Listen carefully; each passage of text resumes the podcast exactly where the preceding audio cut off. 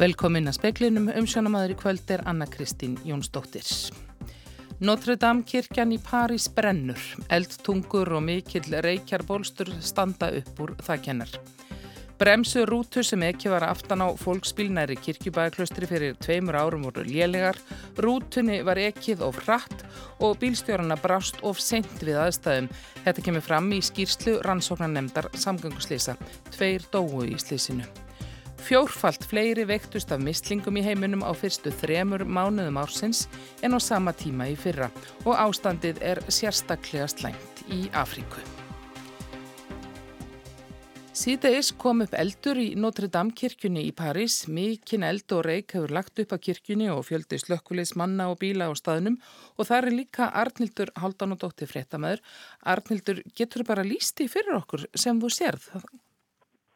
Já, ég stend hérna í rauninni gengt kirkjunni á bökkum stygnu og það bara stendur ennþá mikið reykur og eldtungur upp úr þakki kirkjunar áðan fyrir svona kannski átíska tíu myndum horfi ég á turnin sem að var lengi hæstabygging Parísar en það uh, þangur til að FN-turnin kom rinja og ég er hérna bara á stað þar sem er uh, margt fólk sem er að mynda þetta og sem er, já, í uppnámið, skiljanlega. Uh, þessi kirkja, hún er sko vinsælasti áfangastaðu ferðamann í borginu held ég kannski bara í Evrópu all, allri, það, mm. það, hún, það er alltaf fullt af fólki hérna í kring.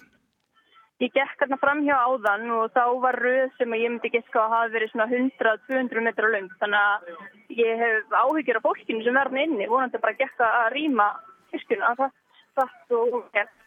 Er búið að gera það þarna í kring? Já, það, það eru hérna ótal lörglubílar og, og hérna búið að gerða allt svæðið og fólki beðum að virða þær þau mörg. Og við heyrum svona óminna af einhverjum sírenum þarna líka? Já, já. Og það er svona spurning hvað gerist núna, svo hvort að þið er að ná hérna tökum á aldinum eða hvort að fremri, hérna, fremri turnarnir tveir uh, bara loga líka. Já, þetta var svona aftari turnin. Já, þetta er aftari turnin sem er svona aðeins hærri og það er röglega mjög erfitt að komast að þessu, menn þetta er svo hátt uppi. Ég sé ekki fyrir mér einhverju kvörfubíl að byggja þetta. Og ertu svo nærri að það sé bara leggji lykt og reik Já. Og, og það er hérna eins og við heyrum, Já. við heyrðum þarna síranunnar bara. En... Uh, já, ég finn alveg reykjalistina og fann hann að strósi, ég var þarna fyrir fram á lúrstafnið og þá fann ég einhver reykjalist og, og uh, svona, hérna bara að væri einhver smábrunn einhver stað en svo svona þegar maður þá reykjar mökkin leggja upp, þá umhlað þá maður að þetta var ekkert einhver, smábrunni, sko, þetta er eitthvað stórvægilegt. Já, og það er ekkert, ekkert útlitt fyrir að þetta sé í neinum rénum núna? Nei, svona, við, við og við hættum að það á eldinu sé bara reygin sko en, en svo alltaf blossar, eins og núna blossar hann aftur upp og ég sé að hann leggur reyg sko út á milli turnana tvekja þess sem eru fremst. Þannig þetta er... Þannig að, að við höfum ekki heyrt klukkur klukkurnar ringi í síðasta sinna. Já. En við fáum að heyra meira af þessu bara þegar líður á kvöldið og það er líka má sjá myndir frá þessu inn á vefokkar rúbunduris. Takk að þið fyrir Arnildur Haldunandóttir. Rannsóknanemnd samgönguslýsa segir að bremsu rútu sem var ekkið aftan á fólksbíl næri kirkjubæðaklaustri fyrir tveimur árum hafi verið lélegar, rútunni hafi verið ekki of hratt og bílstjónum brúðist of sent við. Tveir farþegar letu lífið í slýsinu og fimm slösuðist alvarlega. Slísið varð á Suðurlandsvegi á þriðja degi jóla fyrir tveimur árum. 44 ferðamenn voru í rútunni sem var ekið aftan á fólksbíl með þeim afliðingum að tveir farþegar rútunar létust og fimm slösuðust alvarlega. Í skýslu rannsóknar nefndar samgönguslísar kemur fram að aukumaður rútunar hafi ekið of hratt og bröðist of seint við eða, eða ekið of nálagt fólksbílnu með við aðstæður. Þá telur nefndin að rútubílistjórin hafi mögulega verið þreyttur en hann hafiði farið með hluta af hópnum í norðurljósa ferð kvöldið áður. Rútunni sem var orðin 18 ára hafði verið ekki rúmlega 1 miljón kílometra þegar slísið varð. Þá hafði henni verið ekki rúmlega 30.000 kílometra frá skoðun. Rannsókn á rútunni hafi leitt í ljós að hemlakerfi rútunar hafi verið ábútavant. Hemlar í hægra framhjóli hafi virkað en ekki vinstra megin og nær engin í afturhjóli hægra megin. Rútan var á nagladekkjum en flesta naglana vantaði á dekkin. Nemndin telur að hemla prófa eitt í þung aukutækja oftar en einu sinni á ári. Eru talda líkur á að aukumaður rútunar hefði náða forða árakstri ef hemlakerfi hennar hefði verið í lægi. Ásrún Brynja Ingvarsdóttir sagði frá. Alþjóða helbreyðisstofnunni bárust fjórfalt fleiri tilkynningar um mislinga á fyrstu þremur mánuðum ásins 2019 en á sama tíma í fyrra og sífelt fleiri hafa veikst undan farin ár. Neiðar ástandi var líst í einu hverfi í New York á dögunum. Mislingar eru bráðsmittandi verusjúkdómur en hægt er að koma í vekk fyrir smitt með tvöfaldri bólusetningu. Alþjóðleg helbriðis yfirvöld hafa varað við því að undanförnu að dreyja það við úr bólusetningum. Í yfirlýsingu sem Alþjóða heilbreyðistofnunin sendi frá sér í dag segir að veikindatilfellum hafi fjölgað fjórfalt á fyrsta ársfjörðingi 2019 frá sama tíma í fyrra. Tilkynningar bárust frá 170 löndum um að 112.000 hefðu vext. Fyrstu þrjá mánuði síðast árs vektust 28.000 í 163 löndum. Að sögn sérfræðingastofnunarinnar eru engin svæði heimsins undanskilin, ekki heldur til dæmis bandaríkin þar sem bólusetningar við mislingum þykja í góðu lægi. Sem dæmum á nefnað fyrir nokkrum dögum var líst yfir neyðar ástandi í Williamsburg í Brooklyn hverfi í New York. Þar var í bónum skipað að láta bólusetja sig að viðlóðum sektum. Strángtrúaðir gýðingar eru fjölmennir í Williamsburg og hafa ekki látið bólusetja sig á trúar ástæðum. Ástandið er vissulega misgott eftir heimslutum. Í Afríku hefur mislingatilfellum fjölgað alltaf sjöfalt. Áallad er að einungis eitt af hverjum tíu tilfellum sé tilkynnt til heilbriðis yfirvalda. Áskir Tómasson saði frá. Borgaríðuveld hafa útveðið 11 ára stúlku skólavist í Hamraskóla. Móði stúlkuna skrifaði opið bref fyrir helgi þar sem hún vakti antegla því að dóttirinn fengi kvorki skólavist nýja meðferð. Hún hefur með svo kallega fjöldþækta greiningu meðal hans einhverfu og geðuraskanir og skólastjórnendur í Vestubæðaskóla treystu sér ekki til að hafa hana í skólanum. Þá var ekki hægt að leggja hana inn á batna og unglingageðdelt. Heiðabjörg Hilmisdóttir, formaður velferðaráðs Reykjavíkuborgar, segir að yfirvöld og þeir sem komað svona málum þurfa að tala betur saman og passa að börn detta ekki á milli kerfa. En okkar er að tryggja skólavist og það finnst mér alveg hérna, algjörlega eh, hlutverk sveitafélags. Hins vegar er það ríkisins að tryggja viðvörandi heilbreyðs þjónustu, eh, viðvörandi leiðir fyrir þessi börn og það er ekki þannig að, að, þetta sé eina barni sem hefur verið að rekast á. Við höfum heyrt af mörgum börnum einhverfur sem ekki fá greiningar, býða lengi eftir greiningu hjá greiningar á gjástu ríkisins og ég held að þetta sé bara eitthvað sem við þurfum að skoða algjörlega og, og ég er henni bara að teka undir með þeim foreldrum. Við þurfum að vera í meiri takt, við þurfum að tala meira saman og ríkið þarf að koma miklu, miklu sterkara þannig. En, en bara, það mun ekki standa okkur. Sagði Heiða Björg Hilmisdóttir. Fjármála eftirlitið krafðist þessi í dag að vefnum hluthafi.com erðu lokað. Þar var óskað eftir hluthöfn til að stopna nýtt lággjálta flugfélag. Á VF fjármáleftilitsin segir að nú hafi forsvarsmenn söfnarinnar breytt fyrir komulæginu þannig að miða sé við skráningu fyrir hlutaskýrtin í enga hlutafélagi sem fellur ekki undir lög um verbreyfiðskipti. Fjármáleftilitið vekur aðtekla á því á VF sínum að almennir fjárfestar njóti ekki sömu verndar vegna kaupa í enga hlutafélagi og þegar þeir taka þátt í almennu hlutafjárútbóði. Koma mjaldra sýstrana litlu kvítar og litlu gráar til landsins frestast enn frekar. TFG Simsen sem flyttur mjaldrana til landsins skoða nú hvort hægt sé að flýta fyrir komiðra með flugi í stað siglingar til Vestmanæja. Á förstu daginn var ákveðið að fresta komu mjaldranna til landsins vegna slæmrar veðurspár og lokunar landæjarhafnar. Dýfkun hafnarinnar er enn og lokið. Verði silt með sýsturnar frá þólóksöfn lengist ferðir um tvær og halva klukkustund en ferð frá landæjahöfn tekur bara um hálftíma. Umsjónarmenn mjaldranna hafa ágjör af því að er litla kvít og litla grá gætu illa þólað þryggja klukkustunda ferjuferð ef slæmt verður í sjóin.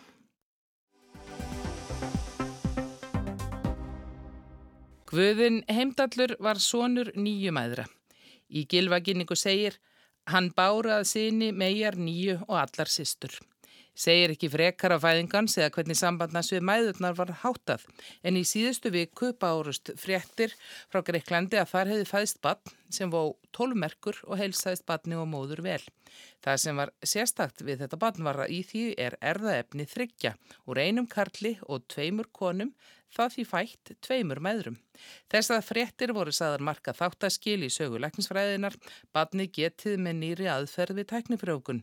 Móður þess hafi farið gegnum fjórar aðtrennur glasafrjókunar án þess að alabann og var það talið vegna galla í kvatberennar. Erna Magnúsdóttir Lífræðingur segir að vissulega sé hægt að segja að badni sem fættist eigi þrjá fóreldra. Það er með erðaefni frá þrejum fóreldrum Því að frá móður þá erfum við ekki bara erðaefnið DNA sem er í kjarnanum, heldur er líka pínlítill litningur í kvatberum og við erfum kvatbera mestu bara frá móður. Þannig að, að þetta barn sem að fættist það á raun tvær mæður af því að það var tekin, tekið eggfruma úr einni konu og kjarnin tekin úr þeirri eggfrumu og settur kjarni úr annari konu sem var að reyna að eignast bann en hún var með stökkbreytingu í sínu kvartberagenum þannig að hún uh, gati ekki, uh, mér skildist þessi kona hafi ekki geta eignast, orðið ófríska að eignast börn yfir höfuð. Þannig að, og svo var það ekki frjókað með sæðisfrumu frá föðurnum. Þannig að, að hérna, þetta er í fiski sem þetta er gert, þetta er búið að vera nokkur ára til raunastegi Þannig að þarna er hægt að komast hjá því annarkvort að fæðist mér fallað út af uh, stökkbreytingum í þessum hvatbæra litningi uh, en þá náttúrulega á batni þrjá erðafræðilega fóreldra en það er náttúrulega afskaplega lítill hluti af erðamenginu í hvatbæra litningnum sjálfum. Já, svona arfgerð okkar, hún er, hvað, hversu stór hluti af henni er þetta? Mm. Ég, þetta á ég nú að vita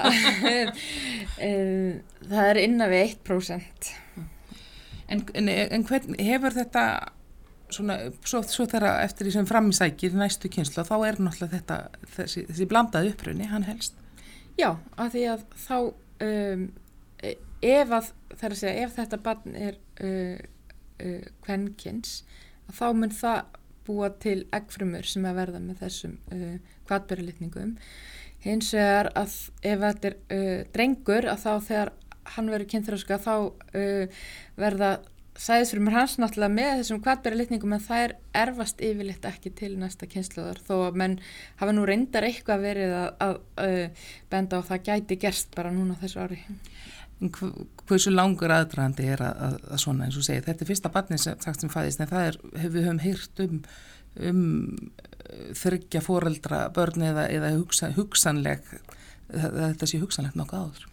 Já, mér minnir þessi þrjú ár síðan að þetta var fyrst leift í Breitlandi uh, en vissulega löngu áður en að mann leifa uh, prófanir á því að búa til uh, börn með þrjá foreldra þá er búið að vera, búin að vera rannsóknir í gangi mjög lengi og menn byrjaði þetta ekki á manna kynfrumum heldur kannski músum og kaninum og svo framvegist til þess að prófa hvort þetta sé hægt þannig að þetta á örugla áratöga uh, söga baki áður en að þetta verður að raunveruleika og, og jafnvel lengri sögum.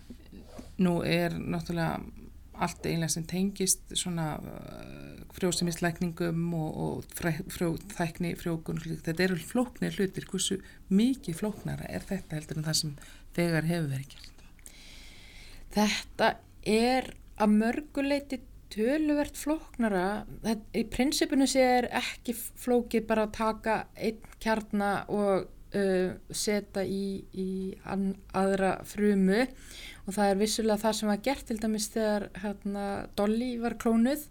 Þá var tekin uh, egg, uh, kjarni úr líkansfrumu og settir inn í eggfrumu um, sem að kjarnin hafi verið fjarlæður úr.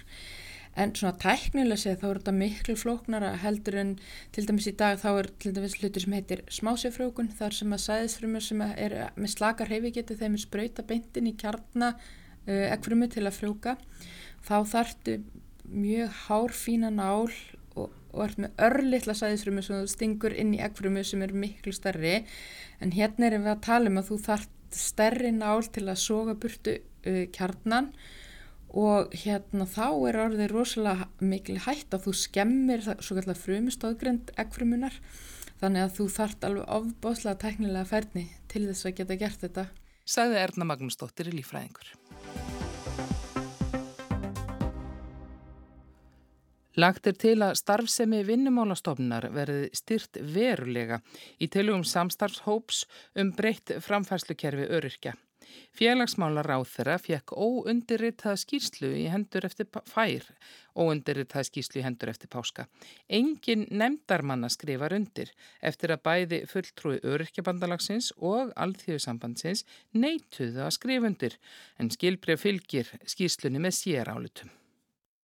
Það gæti stemt í að örlög þessara skýslu verða ríkfalla í ráðunitunum. Allt frá 2005 hafa verið lagðar fram fjölmarkar skýslur þar sem viðfangsefni hefur verið að breyta lífeyriskerfi öryrkjan. Þá hefur það verið á stefnusgrá síðustu ríkistjórna að teki verið upp svo kallað starfsgetumat í stað örorkumatsins sem nú er við líði. Nú síðast hafa tveir hópar um upptöku starfsgetumats verið að störfum, faghópur um mótun og einleðingu starfsgetumats og samráðshópur um breytti framfæslukerfi almanantreykinga. Faghópurinn skilaði ráþæra niðurstuði byrjun þessa ás. Samræðshópurinn hefur lokið störfum og skila ráþæra óundirritaði skýslu eftir páska eins og framkom hér að framann og það er því höndum ráþæra, félagsmuna ráþæra, hvað verður um skýsluna. Í skýslinu sem ráð þeirra fær eftir páska er lagt til að öryrkjar eigi kost á ferns konar mismunandi greislum úr almannatryggingum eða frá ríkinum, sjúkragreislum, endurhæfingagreislum, virknigreislum og loks örorku lífeyri. Loks er lagt til að tekin verðu upp sveijanlega störf sem geta henda fólki með skerta starfsketum.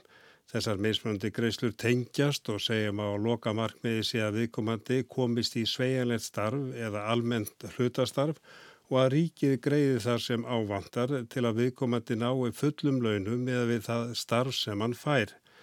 Fyrst er hann að greisluflokkin sem gengur út á nafninu sjúkra greislur. Þær eru greitar þeim sem geta ekki eða eru ekki færir um að taka þátt í endurhæfingum. Þeir eiga ekki rétt á greiðslum fyrr en réttindi viðkomandi í stjættarfélagi þeirra hafa verið tæmt. Greiðslunar eru til eins ás í senn og geta í vissum tilfellum staði yfir í sjö ár. Þessar greiðslur eru hugsaðar sem tímabunda greiðslu til fólks sem glýmir við tímabundi veikindi. Miða er við að sjúkra greiðslunar verði först mánadaleg uppæð Hugsaðlegar aðrar greiðslur til viðkomandi dragast frá sangvanta ákveðnum reglum. Næsti greiðsluflokkur eru endurhæfingargreiðslur sem eru fyrir þá einstaklinga sem eru taldi tilbúinu til að hefja virka endurhæfingum miðar við að greiðslur geti staði alltaf fimm ár. Á þessu tíma er meti hvort viðkomandi er færum að sinna hlutastörfum. Í þessum greiðsluflokki eða meðan á endurhæfingu stendur er gert ráð fyrir fastri mánadalegri uppæð frá ríkinum.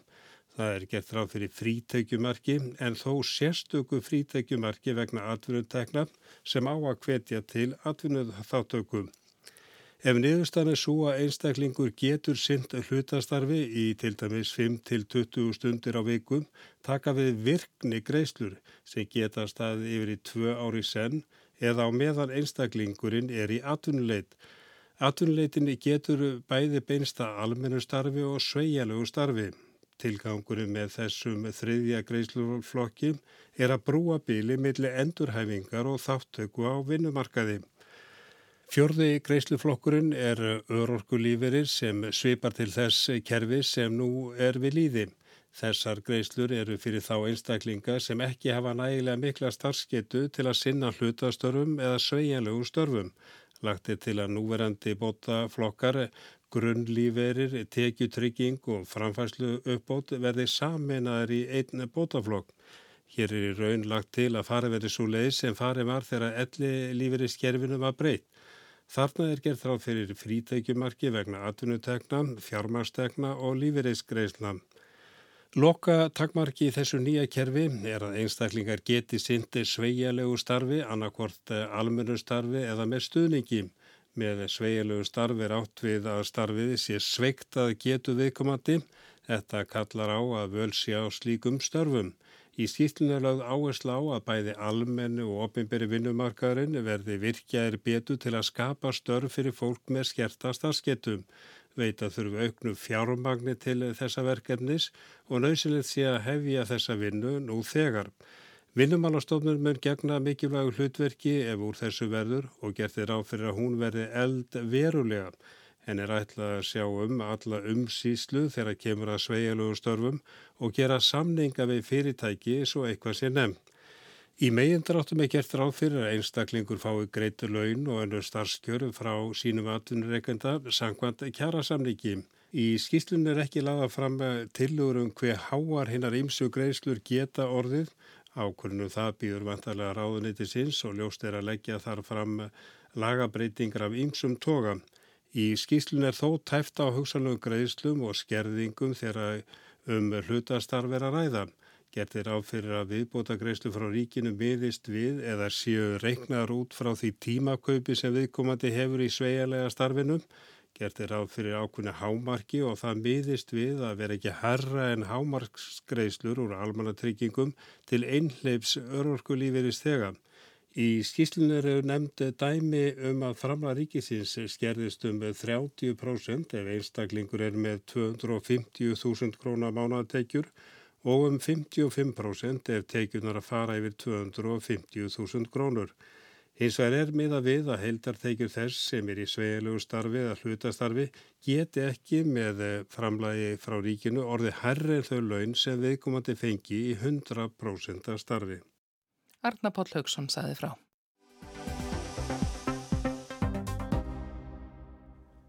Guðmundur Stefán Sigurðarsson, minnjavörður Norðurlands vestra, vonar að almenningur leggji minnjastofnun lið við að fylgjast með menningarminnjum í hættu. Stofnunin er að þróa app, smá forrið fyrir síma og spjaltölfur sem gera almingi kleift að skrásetja ástand minja en þúsundir þeirra eru í mikilli hættu vegna landbróts og lofslagsbreytinga. Guðmundur var ráðinn til minnjastofnunar árið 2016 til að hafa umsjón með verkefni sem kallað var strandminjar í hættu. Verkefnið fekk fjármögnun til eins árs og voru þrjú svæði skráð á landinu á vestfjörðum, Snæfellsnesi og Reykjanesi samtals um 180 kilometrar af strandlengju.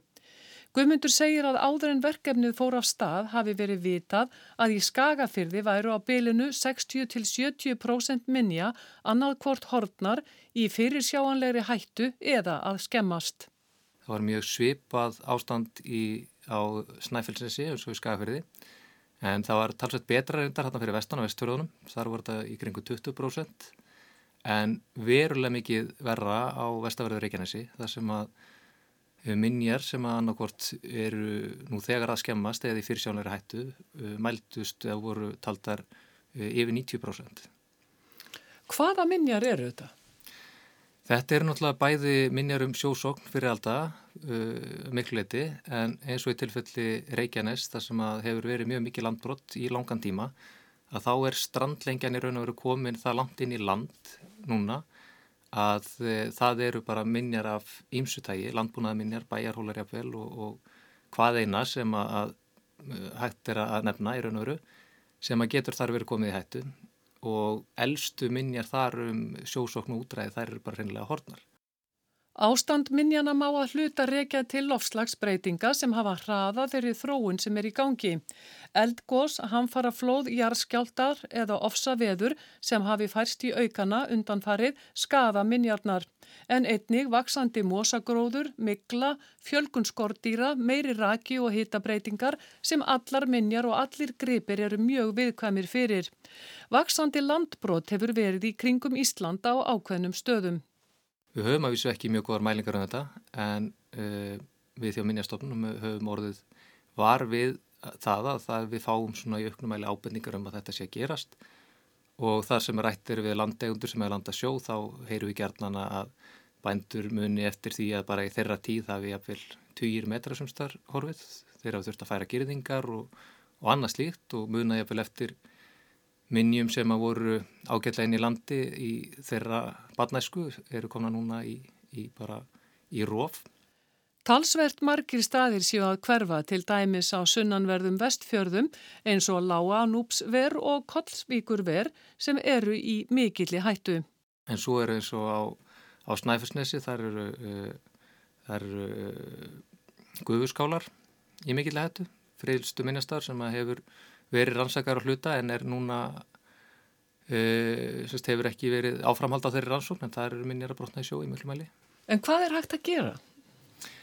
Það er mjög mismunandi og það er, hérna, það er í sumu tilfellum er í raun og verið ekki hægt að, að stöðva landbrotið eða komið vekk fyrir það og þá er bara helsta vopni sem við höfum er bara hreinlega að rannsaka staðin og, og grafa, grafa staðin upp og berga þeim upplýsingum sem að þar verið bergað. Í einhverju tilfellum getur hugsast að eh, rannsaka staðin og flytja hann í framhald af því ef að það er mögulegt. Það er ekki erstaðar sem að það veri hægt.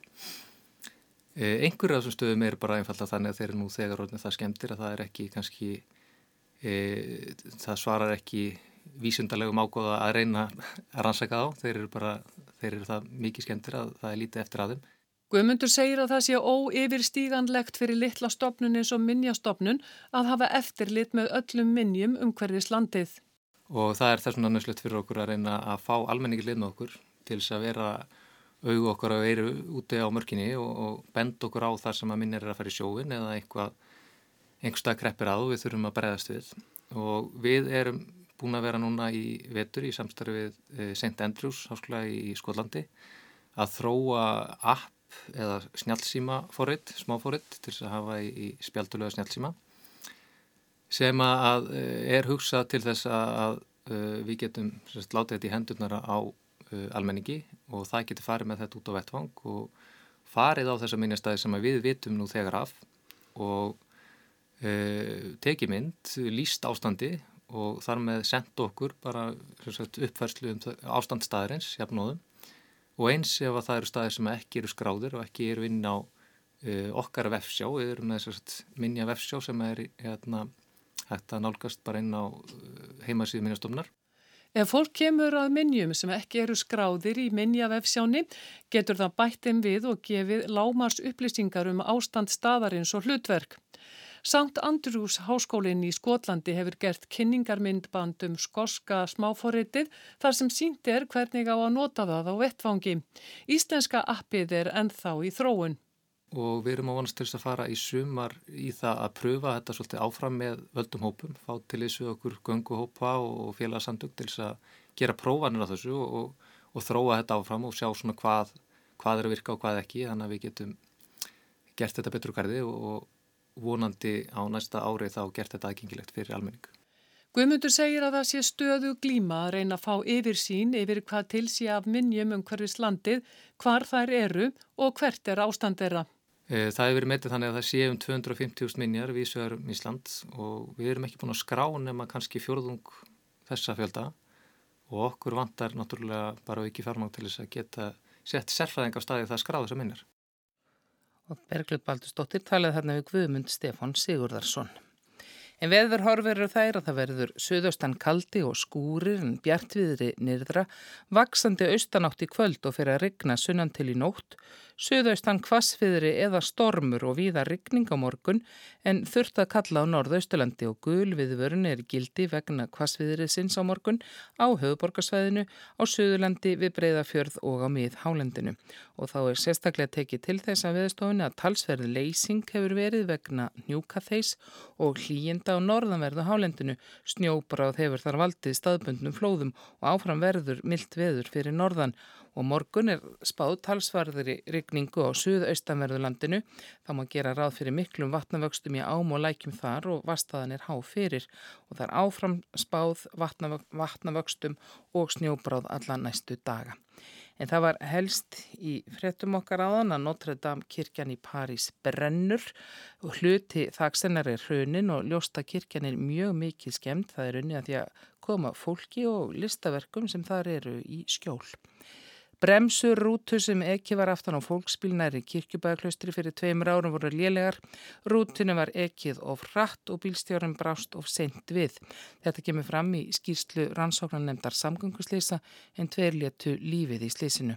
Og fjórfalt fleiri vektust af mislingum í heiminum á fyrstu þremur mánuðum ársins en á sama tíma í fyrra. Ástandið er sérstaklega slæmt í Afriku. En fleiri er ekki í speglunum í kvöld, tæknimaður var Jón Þór Helgason, verið sæl.